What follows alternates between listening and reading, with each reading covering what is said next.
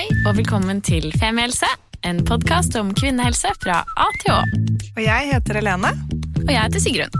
og vi har startet denne podkasten fordi vi mener at det bør snakkes mye mer om kvinnehelse. Så la oss snakke. Hallo og velkommen til en splitter ny episode av Femihelse. Nå har vi rigget oss til her med verdens beste kombinasjon. grønnjus og kokosboller. Og den grønne juicen er jo da Helene, som er et sunnhetens tempel, og litt pjusk. Eh, og kokosbollene, fordi jeg er jo praktisk talt en kokosbolle for tiden. er du ikke enig? Man blir hva man spiser, og nå ser vi resultatet av det, Sigrid. Søt, rund og brun. Yes. Ikke all over, men en nydelig stripe tvers over magen. Som også nå ikke bare liksom har gått fra navlen og ned, men faktisk også opp. Oppover. Oi! Ja, interessant. Så nå kan du snart dele meg i to Ja. og sjekke hva som er på innsiden. Det er jo litt interessant. Lurer på deg. Jeg kaller, den bare, altså jeg kaller den bare for Bruningen. Jeg synes Det er jo kanskje egentlig ikke et så hyggelig navn. Babyen eller eh, Stripa. Stripa, ja. Nei, vi har jo diskutert at det kan være kattunger. Ja. Så en dag. Sju. Ja. Det kjennes jo alltid litt sånn ut. ja. Spennende. Um, I dag skal vi snakke om sopp. Endelig. Altså, dette var nummer tre på listen vår da vi startet Femihelse for eh, et drøss av en stund siden. Dere, sa episoder siden, i hvert fall. Ja. Eh, og så har det tatt tid av en eller annen mystisk grunn, men nå er vi her endelig. Og eh, det er ikke bare vi som har gledet oss til dette, for vi har fått sjukt mange meldinger fra dere. ja. Med spørsmål og eh, ikke minst etterspørsler om når kommer episoden om sopp. Så det er ikke vi som av og til klør i tissen. Eller ikke bare vi. Nei. Nei. Og syns at det er ekstremt frustrerende. Ja. Ehm, vi har med oss eh, Trine Orvold. Hei, Trine. Hei. Velkommen. Jo, takk. Så hyggelig å ha deg med. Igjen, faktisk. Du har jo vært her før. Jeg har det. Mm, Men da for å snakke om noe helt annet. ja, for så vidt. Eh, og du jobber på Sex og Samfunn. Det gjør jeg. Bra. Kan ikke du fortelle litt om deg selv? Ja, jeg er lege og jobber på Sex og Samfunn, som eh, er en stiftelse som jobber veldig mye for seksuell helse og reproduktiv helse. Så vi har en eh, klinikk for de under 25 som er gratis, som ligger i Oslo. Eh, Og i tillegg så har vi eh, veldig mye undervisning, både av unge og helsepersonell. Og så er vi veldig mye ute og snakker om seksuell helse, både med politikere og i media, for å sette litt søkelys på noe som er så viktig. For seksuell helse er jo like viktig for oss som fysisk helse og psykisk helse, mener vi. Det er så bra. Hva er det som går under liksom, seksuell helse? Eller av det dere driver med? Nei, det er et veldig godt spørsmål, for det er jo kjempebredt. Altså alt fra grensesetting til eh, ja, sopp til, eh, til eh, seksuell legning, til det å ønske å få barn eller ønske å ikke få barn. Alt sammen er et kjempestort felt, egentlig. Så, så lenge det handler om seksualitet eh, eller reproduktivitet, som ofte henger litt sammen også, så snakker vi gjerne om det. Kan man eh, gå til dere hvis man er over 25? Nei, Det er ikke mulig. eh, det er ikke mulig. Dessverre. Klinikken vår er støttet av Oslo kommune, og derfor så har vi en grense, for det er det vi har fått støtte for, da. Mm. Ikke sant? Sigrun prøver å stille opp med noen musefletter og en sånn liten skolesekk. Sånn. Jeg er bare 14! Masse lipgloss. Ja, veldig. Og dateparfyme på hele. Kanskje litt Det var ikke din generasjon, men det var i hvert fall det, var din? Ja, det var min. Jeg også hadde den generasjonen generasjonen Ja, date. Mm. Mørkerosa. Mm. Ja, jeg er en ferskenfarge ferskenfargede. Ja. Jeg skjønner ingenting. Nei, det er greit. Det var samtidig som det var et band som het Spice Girls, Sigrun. Ja, ikke ja. hørt om. Nei, Nei. greit. Um, ja, I dag skal vi jo snakke om sopp. Mm. Um, kanskje vi skal begynne der vi pleier å begynne, så ingen overraskelse for dere som hører på. For hva er egentlig en soppinfeksjon? Ja, eh, For å starte med hva sopp er, så er jo det noe som vi har på kroppen vår. eh, Både på huden vår. Vi har det ofte i nedre del av tarm, altså rundt ved en tarmsåpning. Eh, Kan ha det i munnen, og man kan ha det i skjeden uten at det er noe problem for oss. Det bare er en del av kroppen, og ligger der i ro og blir holdt nede da, av våre andre bakterier, sånn at det ikke blir noe plagsomt for oss. Så kan man jo få sopp eh, ganske mange steder på kroppen. Munnsopp. Ikke sant? Man kan få sopp på tærne, man kan få sopp på huden, i hodebunnen. Sånn at eh, noen ganger så blusser denne soppen opp, og så gir de plager. Og det samme kan skje eh, i skjeden vår. Og da får man en soppinfeksjon. Så man kan ha sopp uten å ha soppinfeksjon. Og derfor så er det ikke det å sjekke om folk har sopp, det som er eh, måten å finne ut om folk har en soppinfeksjon. Det er å finne ut om de har plager. Og hva kan de plagene være, eller hva er symptomene på en soppinfeksjon? Det klassiske er jo det med at det klør, eh, og så endrer utfloden seg fra å være litt sånn tynn til å bli litt grøtete og klumpete. Alle liker å kalle det for cottage cheese. Jeg syns ikke det er beskrivende. Nei, jeg syns det er veldig merkelig. Men eh, den er altså litt klumpete. Eh, men det er da din, denne kløen og svien. Eh, det kan svi når man tisser, huden kan sprekke opp. Man kan, eh, er det en skikkelig soppinfeksjon, så hovner man ofte ganske mye opp. Og det er utrolig ubehagelig. Og da kan man få sår og sprekker. Og det, så, så det du egentlig, for å sette diagnosen at du har en soppinfeksjon, eh, så er det egentlig en, at man har disse symptomene, eller kan man ta en test i tillegg? Vi eh, hos oss eh, tester jo. Eh, vi kan faktisk se sopp i mikroskopet. Og det må jeg bare få si at det er ganske vakkert. Altså. Sånn- jeg er liksom mikroskopnerd, og det å kikke ned på sånn skikkelig sånn masse sånn sopphyfer som ser ut som et sånn vakkert nettverk, det, det er utrolig pent å se på, men veldig plagsomt å ha. Så, eh, men eh, vi kan se sopp i mikroskopet, men jeg vil ikke se etter sopp i mikroskopet hvis du ikke forteller meg at du har noen plager. Nei. Hvis jeg ser sopp i mikroskopet, og du kommer og det, du ikke har noen plager, da vil jeg ikke gjøre noe med det. For 20% har sopp i skjeden uten at det er plagsomt. Så man eh, leter etter ting fordi det er plager. Hvor vanlig er det egentlig å få soppinfeksjon? Veldig vanlig. Ja, og det er rundt 25% som har hatt det før de er eh, 25 år. Sånn at det å ha en soppinfeksjon, det er noe de fleste kan forvente å ha i løpet av livet sitt. Det er mange, da. Det er kjempemange. Og i hvert fall, fordi Før vi gikk inn her, så snakket du også om eh, at de færreste får en soppinfeksjon før de kommer i puberteten. Ja, man gjør ikke det. Og eh, det er litt fordi eh, skjeden vår er veldig annerledes eh, før man kommer i puberteten, og før man får østrogen som sånn hovedhormon i kroppen. Eh, for østrogen er veldig viktig for miljøet inni skjeden. Sånn at eh, før man eh, kommer i puberteten, så har man jo ikke noe utflod. Eh, og man har heller ikke den samme type bakterieflora og soppflora inni skjeden. Fordi det er ikke noe Østrogen er på en måte det som gir mat til eh, det som lever i skjeden, som er veldig viktig for oss. Og uten det så, så blir det heller ikke noe sopp. Sånn at alle disse plagene er ting vi får når vi først kommer i puberteten, og har østrogen, og får liksom denne bakteriefloraen og utfloden og, og mat da, til eh, det som skal leve der. Og de færreste får en soppinfeksjon etter at de har kommet til overgangsalder. Når man kommer i overgangsalder, så kan man oppleve å få soppinfeksjoner eh, selv etterpå, men det er eh, mindre vanlig. Det mest vanlige er å ha det i den fruktbare perioden. Altså, Så man kan ha sopp i eh, eh, skjeden, men kan du også ha sopp i rumpa? Ja, ikke sant. Det kan du. Eh, og veldig mange Altså, sopp trives veldig godt i, i rundt endetarmen. Og det er derfor man ofte kan smitte seg selv. Eh, når man Eller ikke smitte seg selv, men hvis man ikke har noe sopp i skjeden, og du, man har samleie, så er det jo sånn Det er jo ikke Det blir jo en litt sånn fri flyt av væske der nede. Man veit jo hvordan det er. Eh, og da kan jo sopp komme til skjeden. Eh, så det er en måte at sopp kan finne veien inn dit på, da. Eh, Så det er eh, oftest at man ikke at man blir smittet av en partner, men at man blir mer eh, smittet av seg selv, da. Men uh, sopp rundt ved endetarmen og sånn det pleier man ikke å ha noe plage med. Men eh, sånn at det er liksom litt annen type sopp, da. Men kan man smittes av partner? Dette føler jeg, eh, dette har jeg lurt på lenge. Ja, og det er det veldig mange som spør om òg. Så lenge partner ikke har noen plager, så anbefaler vi ikke noe behandling til partner. For vi ser at gutter i mye, mye mindre grad enn jenter har soppinfeksjon. Men noen gutter får plager, eh, og da er det lurt å behandle. Eh, ofte så er det ikke det at de får en soppinfeksjon, men at eh, de opplever at etter samleie så blir penis litt sånn rød og litt sånn små nupper på. Og det kan være det at det blir, det blir litt mer sånn giftig miljø, da Den soppen lager liksom et miljø i skjeden som penishodet reagerer litt på. Så det kan bli litt irritert.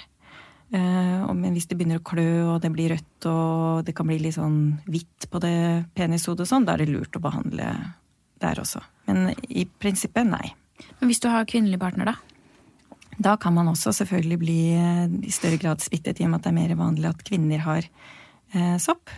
Men vi liker liksom ikke å bruke ordet smitte eh, på samme måte som eh, andre ting, i og med at dette er noe vi har på kroppen Ja. normalt. Jeg tenker bare Hvis jeg har eh, tilbakevendende soppinfeksjoner, da, og liksom, det er et problem for meg, eh, er det, det da lurt at min partner uansett kjønn behandles? For å, eller ja, tar en kur for å liksom sjekke om det kan hjelpe meg? Jeg tenker at hvis din eh, partner er en eh, kvinnelig partner, så er det kanskje litt større sannsynlighet for at det er litt lurere at man kan behandle begge to. Men dette er jo ingenting som er forsket på. Men en eh, mannlig partner, hvis partner har plager, ja. Hvis partner ikke har plager, nei. Er det noen ting som, i tillegg til da østrogen, som kan trigge soppinfeksjoner? Ja, absolutt. Eh, Så sopp kan være i skjeden, ligge der, ha det helt fint, men ikke blomstre opp, ikke gi noen plager. Og så er grunnen til det at vi, den blir holdt i sjakk. Den blir holdt i sjakk av våre snille, gode, fine bakterier eh, inni skjeden. Gjør vi noe som endrer det miljøet, da kan sopp få oppblomstring. Og en av de tingene vi kanskje er veldig flinke til i dag, det er jo å vaske oss. Vi har så lyst til å være rene både innvendig og utvendig. Eh, og så vasker man seg og fjerner mange av disse snille, fine bakteriene. Og da får man mer soppinfeksjoner. Så det er én ting. Aldri skylle eller vaske inn i skjeden. Eh, og så er det jo antibiotika. Det er veldig vanlig å få soppinfeksjoner etter antibiotika. Fordi da tar vi jo knekken på disse snille, fine bakteriene også, og gir mulighet for eh, sopp å blomstre. Så er det ting som vi ser at det er lettere å få soppinfeksjon under graviditet. Man er ikke helt sikker på hvorfor det er sånn. Eh, og så ser man at de Kan det være som- fordi man har mer østrogen? ja, men da vil man også ha mer eh, melkesyrebakterier som holder litt sjakk på bakteriene. Så det er, det er fortsatt mange fine spørsmål man kunne ha forska på her. Eh, men eh, man ser også at de som har eh, høyt blodsukker, de kan eh, litt lettere bli disponert på sopp, for sopp. Og derfor så tenker folk at hvis man spiser sukker, da kan man lettere få sopp. Men så er det jo sånn at kroppen vår eh, er jo lagd for å ha en Selv om du spiser en sjokolade, så får ikke du skyhøyt blodsukker i flere timer etterpå. Kroppen fikser jo det og lager et stabilt blodsukker. Så for oss som ikke har eh, diabetes eller sukkersyke, da, så er jo ikke det å spise sukker noe problem. Det vil ikke kunne øke soppinfeksjonen. Så har du hørt om denne Candida-dietten? Jeg har hørt om den, og jeg har hatt mange pasienter som har slitt seg gjennom det og hatt eh, ganske tøff, eh, tøft liv på grunn av den. Nesten ikke kunne spise på et år. Eh, Den har jo veldig lite vitenskapelig dekning, da. Ja. Jeg har gått på den. Og den hadde vi- Nå er ikke dette noen reklame for Candida-dietten, men mer av nysgjerrighet. Men, og det var helt grusomt. Anbefaler ingen å gjøre det. Ble veldig tynn og sliten. Men den hadde effekt helt til jeg sluttet på den. Og da hadde den ingen effekt lenger, kan man si. På sopp i underlivet. På sopp i underlivet, ja. Ja. Mm. Og da må man jo stille seg spørsmål kanskje det er andre ting man heller kan gjøre for å slippe å ha sopp i underlivet enn å bli sliten og syk fordi man ikke spiser nok. ja. Så du, det er ikke en, en anbefaling å kutte ned på sukkerinntaket? Nei, det er ingen generell anbefaling. Det er jo i, i de studiene som er gjort, eh, så er det ikke vist at eh, sukkerinntaket har noe å si. Prevensjonsmidler, da? Ja, og der igjen, da.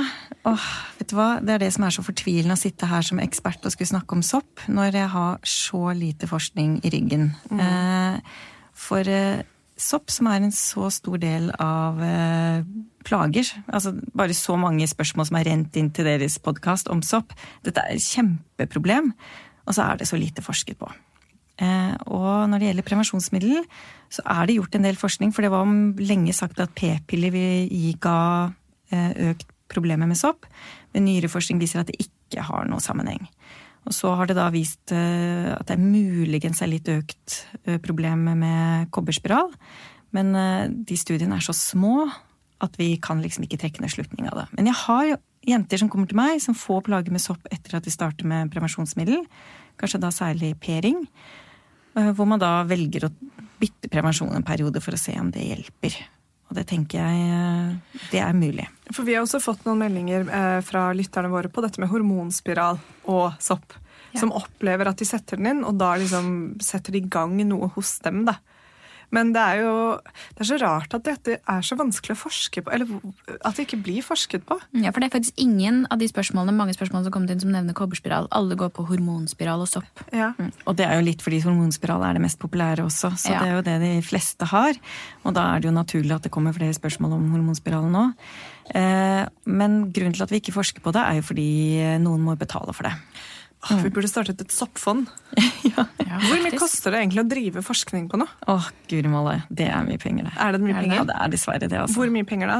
To millioner? Det, er, det, er, det tar lang tid å forske. Det er Ja. det som er Man eh, kan ikke bare velge ut noen mennesker og så bare finne ut hvordan det går med dem. Eh, Det er mye planlegging, det er skal følges opp, eh, det må søkes, mm. og det er en lege og sykepleier og en annen som skal sitte og håndtere alle data og skrive, og det er mye penger, dessverre.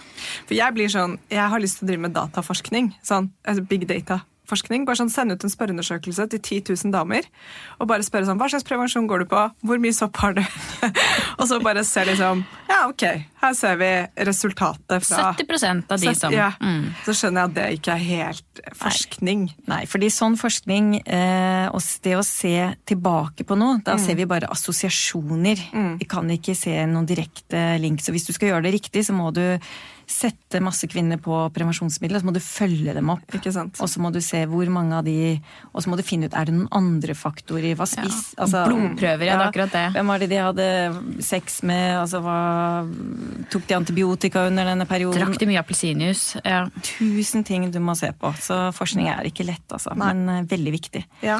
Men en åpen oppfordring da, til dere som hører på. Vi håper det er mye helsepersonell som hører på, uten at vi har noen som helst slags peiling. eh, om at eh, får du kall over deg, så vil vi bli veldig glad hvis du forsker litt på sopp. ja, da kan du gjerne ta kontakt med oss, og så kan vi se hvordan Ja, vi kan løse det. Så kan vi hjelpe deg med. Ja.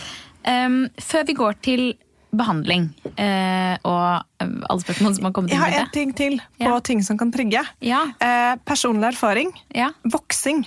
Oh, Etter at jeg har vokset, og gjerne hvis ikke hun voksedama har hørt på mitt ønske om å ikke vokse helt bak, altså sånn, du, tar liksom, du har ikke et hårstrå igjen nedentil, liksom, så har jeg fått soppinfeksjon av det. Eller det har i hvert fall ført til for meg. da. Alltid? Sånn, eh, nei, ikke alltid, men det har skjedd en del ganger. Og jeg tror, For meg føles det som en sånn kombinasjon av voksing, og at jeg har da ofte gjort det om sommeren. og at Det liksom, det føles bare som at, at akkurat som du sier, at man tar vekk det håret som skulle passet på i Gaten, floraen der nede, ja. og bakteriene der nede. Og at det blir en ubalanse, da. ja, Voksing og barbering, kan vi ikke slå sammen det spørsmålet litt? da? Jo, tror du det? Eller er, Altså, det er jo Vi ser jo det at eh, når man vokser og tar vekk hår, så eh, er det jo sånn at håret holder jo på veldig mye av fuktigheten. Og det hindrer jo også en del gnisning. Altså, det, det blir på en måte Tar vekk litt av friksjonen. Sånn at håret er jo ikke der eh, fordi naturen tenkte at kvinner skal ha hår nedentil. Det er jo der av en grunn. Eh, og vi pleier ofte å anbefale de som har sliter med veldig mye plager som kommer tilbake, å ikke ta vekk håret en periode for å se om det kan hjelpe litt. Så det er klart at eh, når du da fjerner alt håret, eh, det er varmt, klamt, man kanskje dusjer litt ekstra eller bader mye, så kan jo det absolutt være med på å påvirke sånn at man lettere får sopp. Det, det tror jeg på. Ok, da har vi forsket på det. Nei. Det tror jeg på. Ja, så bra. Nei, men jeg, jeg, Det er bare for meg, og jeg vet at jeg har diskutert med en del venninner, at man får plager av nettopp det å vokse seg. Da. Men igjen, jeg har jo ikke gått og testet om jeg har faktisk hatt en soppinfeksjon. Jeg har gått og selvmedisinert meg da, med kanesten, og så har det hjulpet der og da. Men det kan jo også ha hjulpet at håret har vokst litt ut igjen. eller ja. Det er kanskje ikke så lett å vite, men for meg har det i hvert fall vært en greie. Å, slutte med voksing har vært bra for meg. da.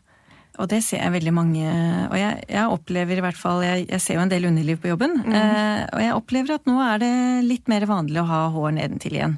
Eh, så jeg blir jo egentlig litt glad for det. Eh, fordi jeg også opplever at mange får plager da, når de eh, vokser og barberer. Så da tenker jeg åh, da kanskje de slipper det. Ja. Men de, noen av de sier jo unnskyld til meg, fordi jeg rakk ikke å barbere meg før jeg kom til gynekologen. Og det må jeg bare si, det trenger dere ikke å bekymre dere for. Vi For blir bare glad. er glad for hår, med andre Jeg blir veldig glad for hår. Ja. Mm, For jeg, mitt siste spørsmål gikk også på trigging, og det er dette med eh, bytte av seksualpartner. Kan det føre til soppinfeksjon? Nei. Altså i og med at ikke uh, man ser uh, noe særlig sammenheng med uh, sopp som smitte, men mer at man kanskje får endringer i sin egen flora som problem med, så skal ikke skifte av partner ha noe å si. Men det er klart at noen ganger når man skifter partner så, og begynner å ha sex mer hyppig, så kan det skje endringer i din normalflora som gjør at soppen trives bedre. Men da er det ikke det nødvendigvis at, du, at det kommer fra partneren din, men at eh, hyppig sex og sånn kan endre litt eh, flora. Mm. Det er logisk. Em, da kanskje vi skal hoppe litt til behandling. For hva, hvordan, Nå har vi snakket litt om at mange selvmedisinerer soppinfeksjon. Hva, hvilke behandlingsformer finnes egentlig? Ja, det er jo veldig fint da, at det fins reseptfrie medisiner. Eh, For det er jo slitsomt å måtte gå til legen når det er tydelig at dette her er en soppinfeksjon. Men jeg vil allikevel slå et slag for å oppsøke lege hvis dette her ikke blir bedre. Eh, Det Kanskje, finnes- Eller hvis det er første gang du har det? eller? Nja, altså dette er ganske klassisk for de aller fleste. Den derre intense kløen og klumpete utfloden, den, den er stort sett sopp i 90 av gangene. Men er du i tvil om det er sopp eller ikke, da syns jeg at du skal gå og sjekke det først. Um, og eh, da kan man, eh, hvis man er sikker på at det er sopp, så kan man gå på apoteket. Der finnes det forskjellige merker, da, men eh, Canesten er et av dem som de fleste kjenner til. Men det er også noe som heter Pevaryl. Litt mer skånsomt, syns jeg. Eh, Ja, det finnes i hvert fall to forskjellige merker. Det inneholder det samme virkestoffet. Og da er det sånne små vagitorier, som det heter, som er sånne små stikkpiller til skjeden. Og så er det en krem. Og det anbefales å bruke begge deler. Da er det enten én stikkbille og krem i 14 dager, som man smører da på ytre Altså på rundt ved kjønnsleppene og ved skjedeinngangen. Eh, og så er det da denne stikkpillen enten en engangsdosen, eller så går det også an å kjøpe sånne flergangsdoser. Og da tar du det over tre eller seks ganger. Det er det litt mindre virkestoff i hver gang, men at du behandler deg heller over litt lengre tid. Og hvis du sliter med gjentagende soppinfeksjoner, så vil jeg anbefale å prøve de på, over flere dager istedenfor den engangsdosen. Men er det første gangen, da kan du ta den engangsdosen. Men hvis du, har, du får en soppinfeksjon, og så ja, går det kanskje tilbake, men i løpet av noen måneder da, eller et år, så har du det på en måte igjen og igjen og igjen. Ja. Da bør du kanskje gå en tur til legen. Vi sier har du over fire soppinfeksjoner i løpet av et år, da har du det vi kaller for kronisk soppinfeksjon. Eh, og kronisk soppinfeksjon kan utarte seg litt annerledes enn en akutt soppinfeksjon. Så veldig mange av mine pasienter som sliter med mye sprekker, ikke nødvendigvis så mye klumpete utflod eller hevelse eller kløe, men de får veldig mye sånn sprekker, eh, særlig etter samleie. De kan ha kronisk soppinfeksjon. Og da er det veldig viktig eh, at man får riktig behandling.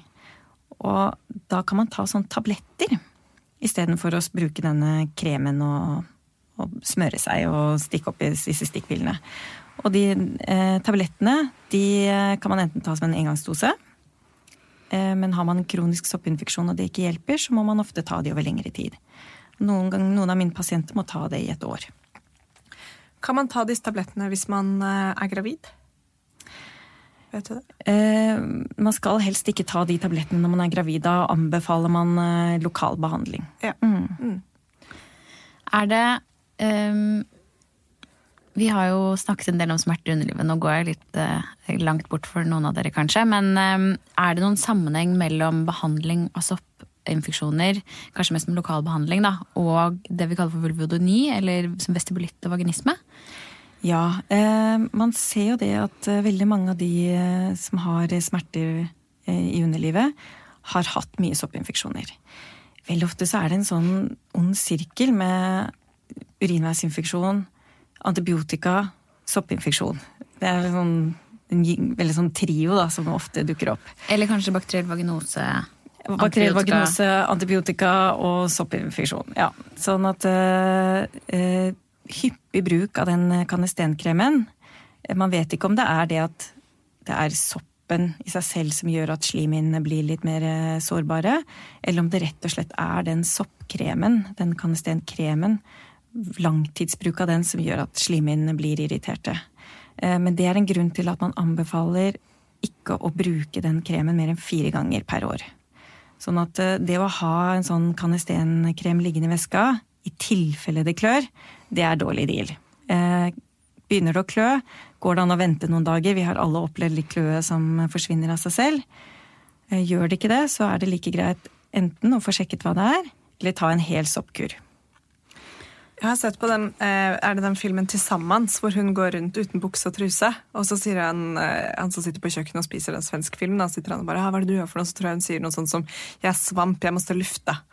Er det, er det da et triks hvis du begynner å klø, at man, at man, prøver å lufte og sove naken og roe ned på dusjingen? Er det noe man kan gjøre da for å liksom prøve å roe det selv, eller er det helt liksom jeg tror i hvert fall det der med å roe ned på dusjingen, det, det tror jeg kan tas som et godt tips uansett. Og så eh, er det jo sånn med syntetiske ting som ikke puster.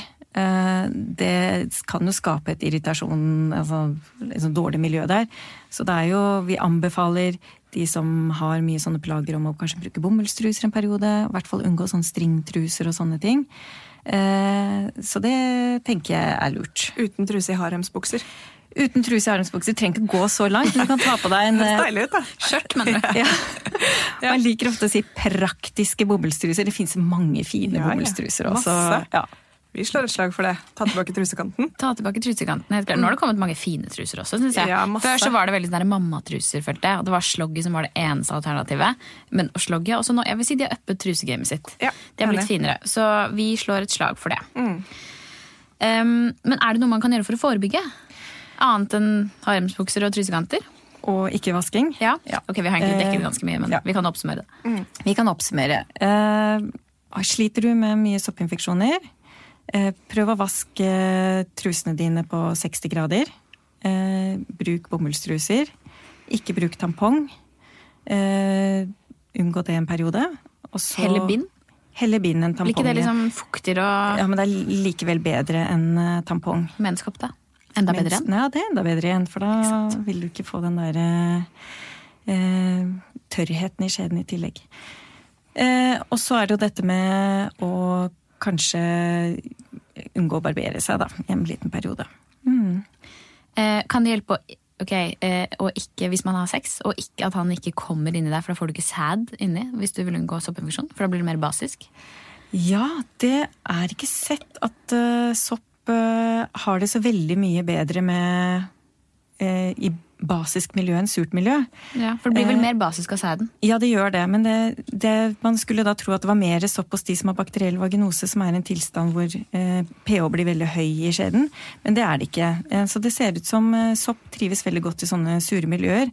Og det er også en av grunnen til at de der sure, de melkesyretablettene og, og geleen og sånn som man kan få kjøpt på apoteket, ikke viser seg å ha noe særlig effekt på sopp.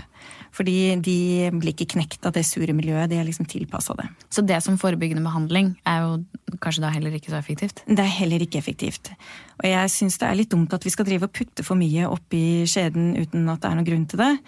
Og noen ganger når folk kommer til meg, så har de altså brukt så mye forskjellige at jeg ikke vet om det er hva som skyldes hva. Om det er fordi de har gått på melkesyretabletter i et år som er grunn til at de har plager, eller om det er fordi de de har sopp, eller hva det er. Så unngå å putte ting oppi skjeden uten grunn.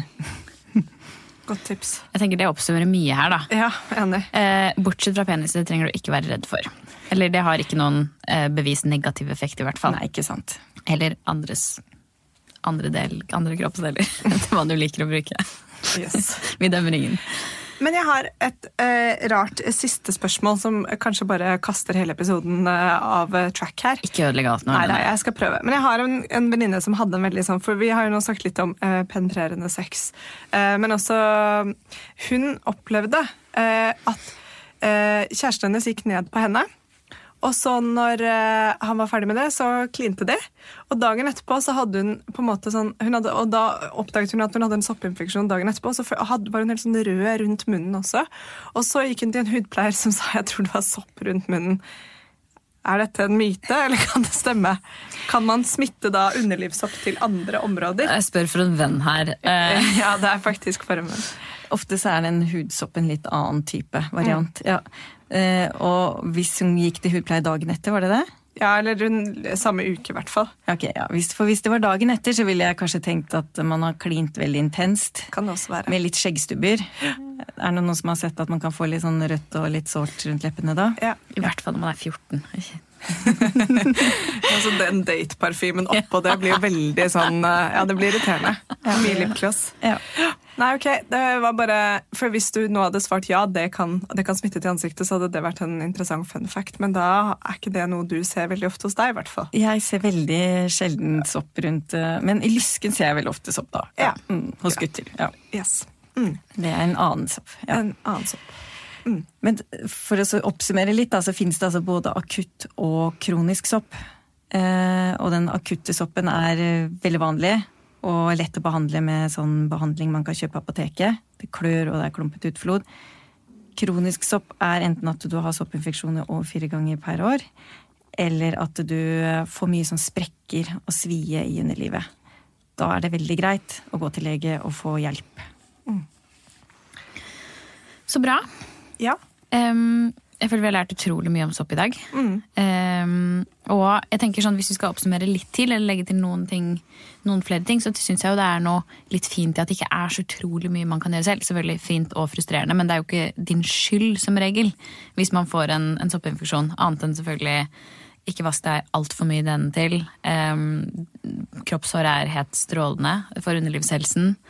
Og um, ja, Bruk godt vaska bomullstruser.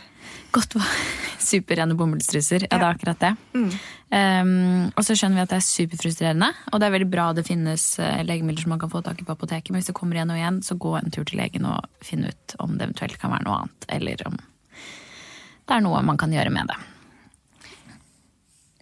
Ja. Er det noe du vil legge til? Ja, jeg kom på en ting til. Ja. Eh, Når det gjelder den kroniske soppen, så viser det seg også at man eh, Det kan være litt genetisk, rett og slett. At eh, det ser ut som det finnes nesten litt sånne små reseptorer i, eh, inni skjeden som gjør at soppen klarer å feste seg litt ekstra godt. Kan nesten se på det litt som sånn borrelås. Eh, Og det er det heldigvis litt forskning på nå. Så mitt drøm er jo at det blir forsket mer på det, sånn at man kan eh, kanskje finne en måte å eh, forebygge på, men også behandle de kroniske soppinfeksjonene. Spennende. Ja. Ja til all forskning. Um, og vi, siden vi har nevnt forskning litt, da, så vil jeg bare legge til på slutten at eh, Norske kvinners sanitetsforening holder på med veldig mye spennende forskning innenfor kvinnehelse. Så hvis du sitter og hører på nå og kjenner at det er frustrerende at ting ikke blir forsket godt nok på, så er vi helt enige. Men det fins jo noen som prøver, eller ganske mange som prøver. Men sjekk Norske kvinners sanitetsforening sin nettside. Der ligger det mye sånn eh, gøy forskning som er i loopen, og som allerede er gjennomført, som man kan lese seg litt opp på. Og kanskje det er noe som treffer deg eh, veldig der inne. Så det var bare sånn tips fra sida. Men, og de støtter jo også en del forskning. Det er det, det er de, det, er det de gjør. Ja, de funder det. Ja, Ja. Så hvis du også sitter og tenker at dette hadde vært spennende å forske på, selv og du er helsepersonell Mer kompetent enn meg. litt mer kompetent enn oss, er det er akkurat det, så eh, kan det være et sted å begynne. I hvert fall for å få litt informasjon. Ja. Så bra. Tusen takk, Trine. Bare hyggelig. Utrolig spennende å snakke med deg. Du kan svare på absolutt alt. Ja, det, er jo fint. det beste vi vet. Ja. Eh, takk for at du hørte på. Takk til alle dere som har sendt inn spørsmål. Jeg håper dere føler at eh, dere fikk svar på de. Noen ganger er det jo sånn at vi glemmer å stille noen spørsmål, eller legene kommer på på vei hjem at det er noe de gjerne skulle ha sagt. Og um, det er én ting som er litt fint å ha med i denne episoden om sopp. Og det er at man også faktisk kan ha for mye melkesyrebakterier. Og det er en tilstand som heter cytolytisk vaginose. Vanskelig ord. Eh, Denne tilstanden skyldes rett og slett for mye oksygen, så den er van nei, østrogen, så den er vanlig for gravide og unge jenter. Og det ligner ganske mye på sopp, fordi det kan gi liksom kløe og svie og hvit utflod med små klumper i seg. Og derfor kan det være fint med seg å, å, å ha med seg at um, ikke alt som er, uh, har symptomer som ligner på soppinfeksjon, er en soppinfeksjon. I hvert fall hvis det ikke da går over med behandling. Og da kan det være lurt å sjekke opp i.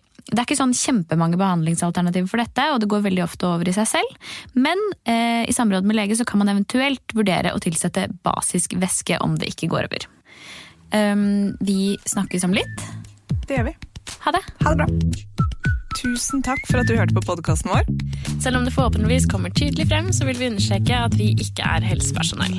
Ja, så Som vanlig, kontakt legen din om du har noen spørsmål, eller om du skal begynne på noen form for behandling. Og Har du et tema som du har lyst til at vi skal snakke om, eller noe ris eller ros, så send oss gjerne en melding på Facebook eller på Instagram. Der finner du oss under Femihelse. Mm. Og du kan gjerne rate oss på iTunes. Det er skikkelig hyggelig for oss. Ha en fin dag. Ha en kjempefin dag.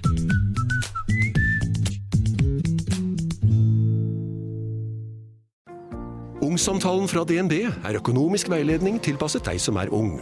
Bokk en ungsamtale på dnb.no. slash ung. Det er kjempebra hvis du skal inn på boligmarkedet! Hvis det er drømmen din, liksom. Det er det du skulle sagt. Og så kunne du ropt litt mer, da, sånn som jeg gjorde. Bam! Åh,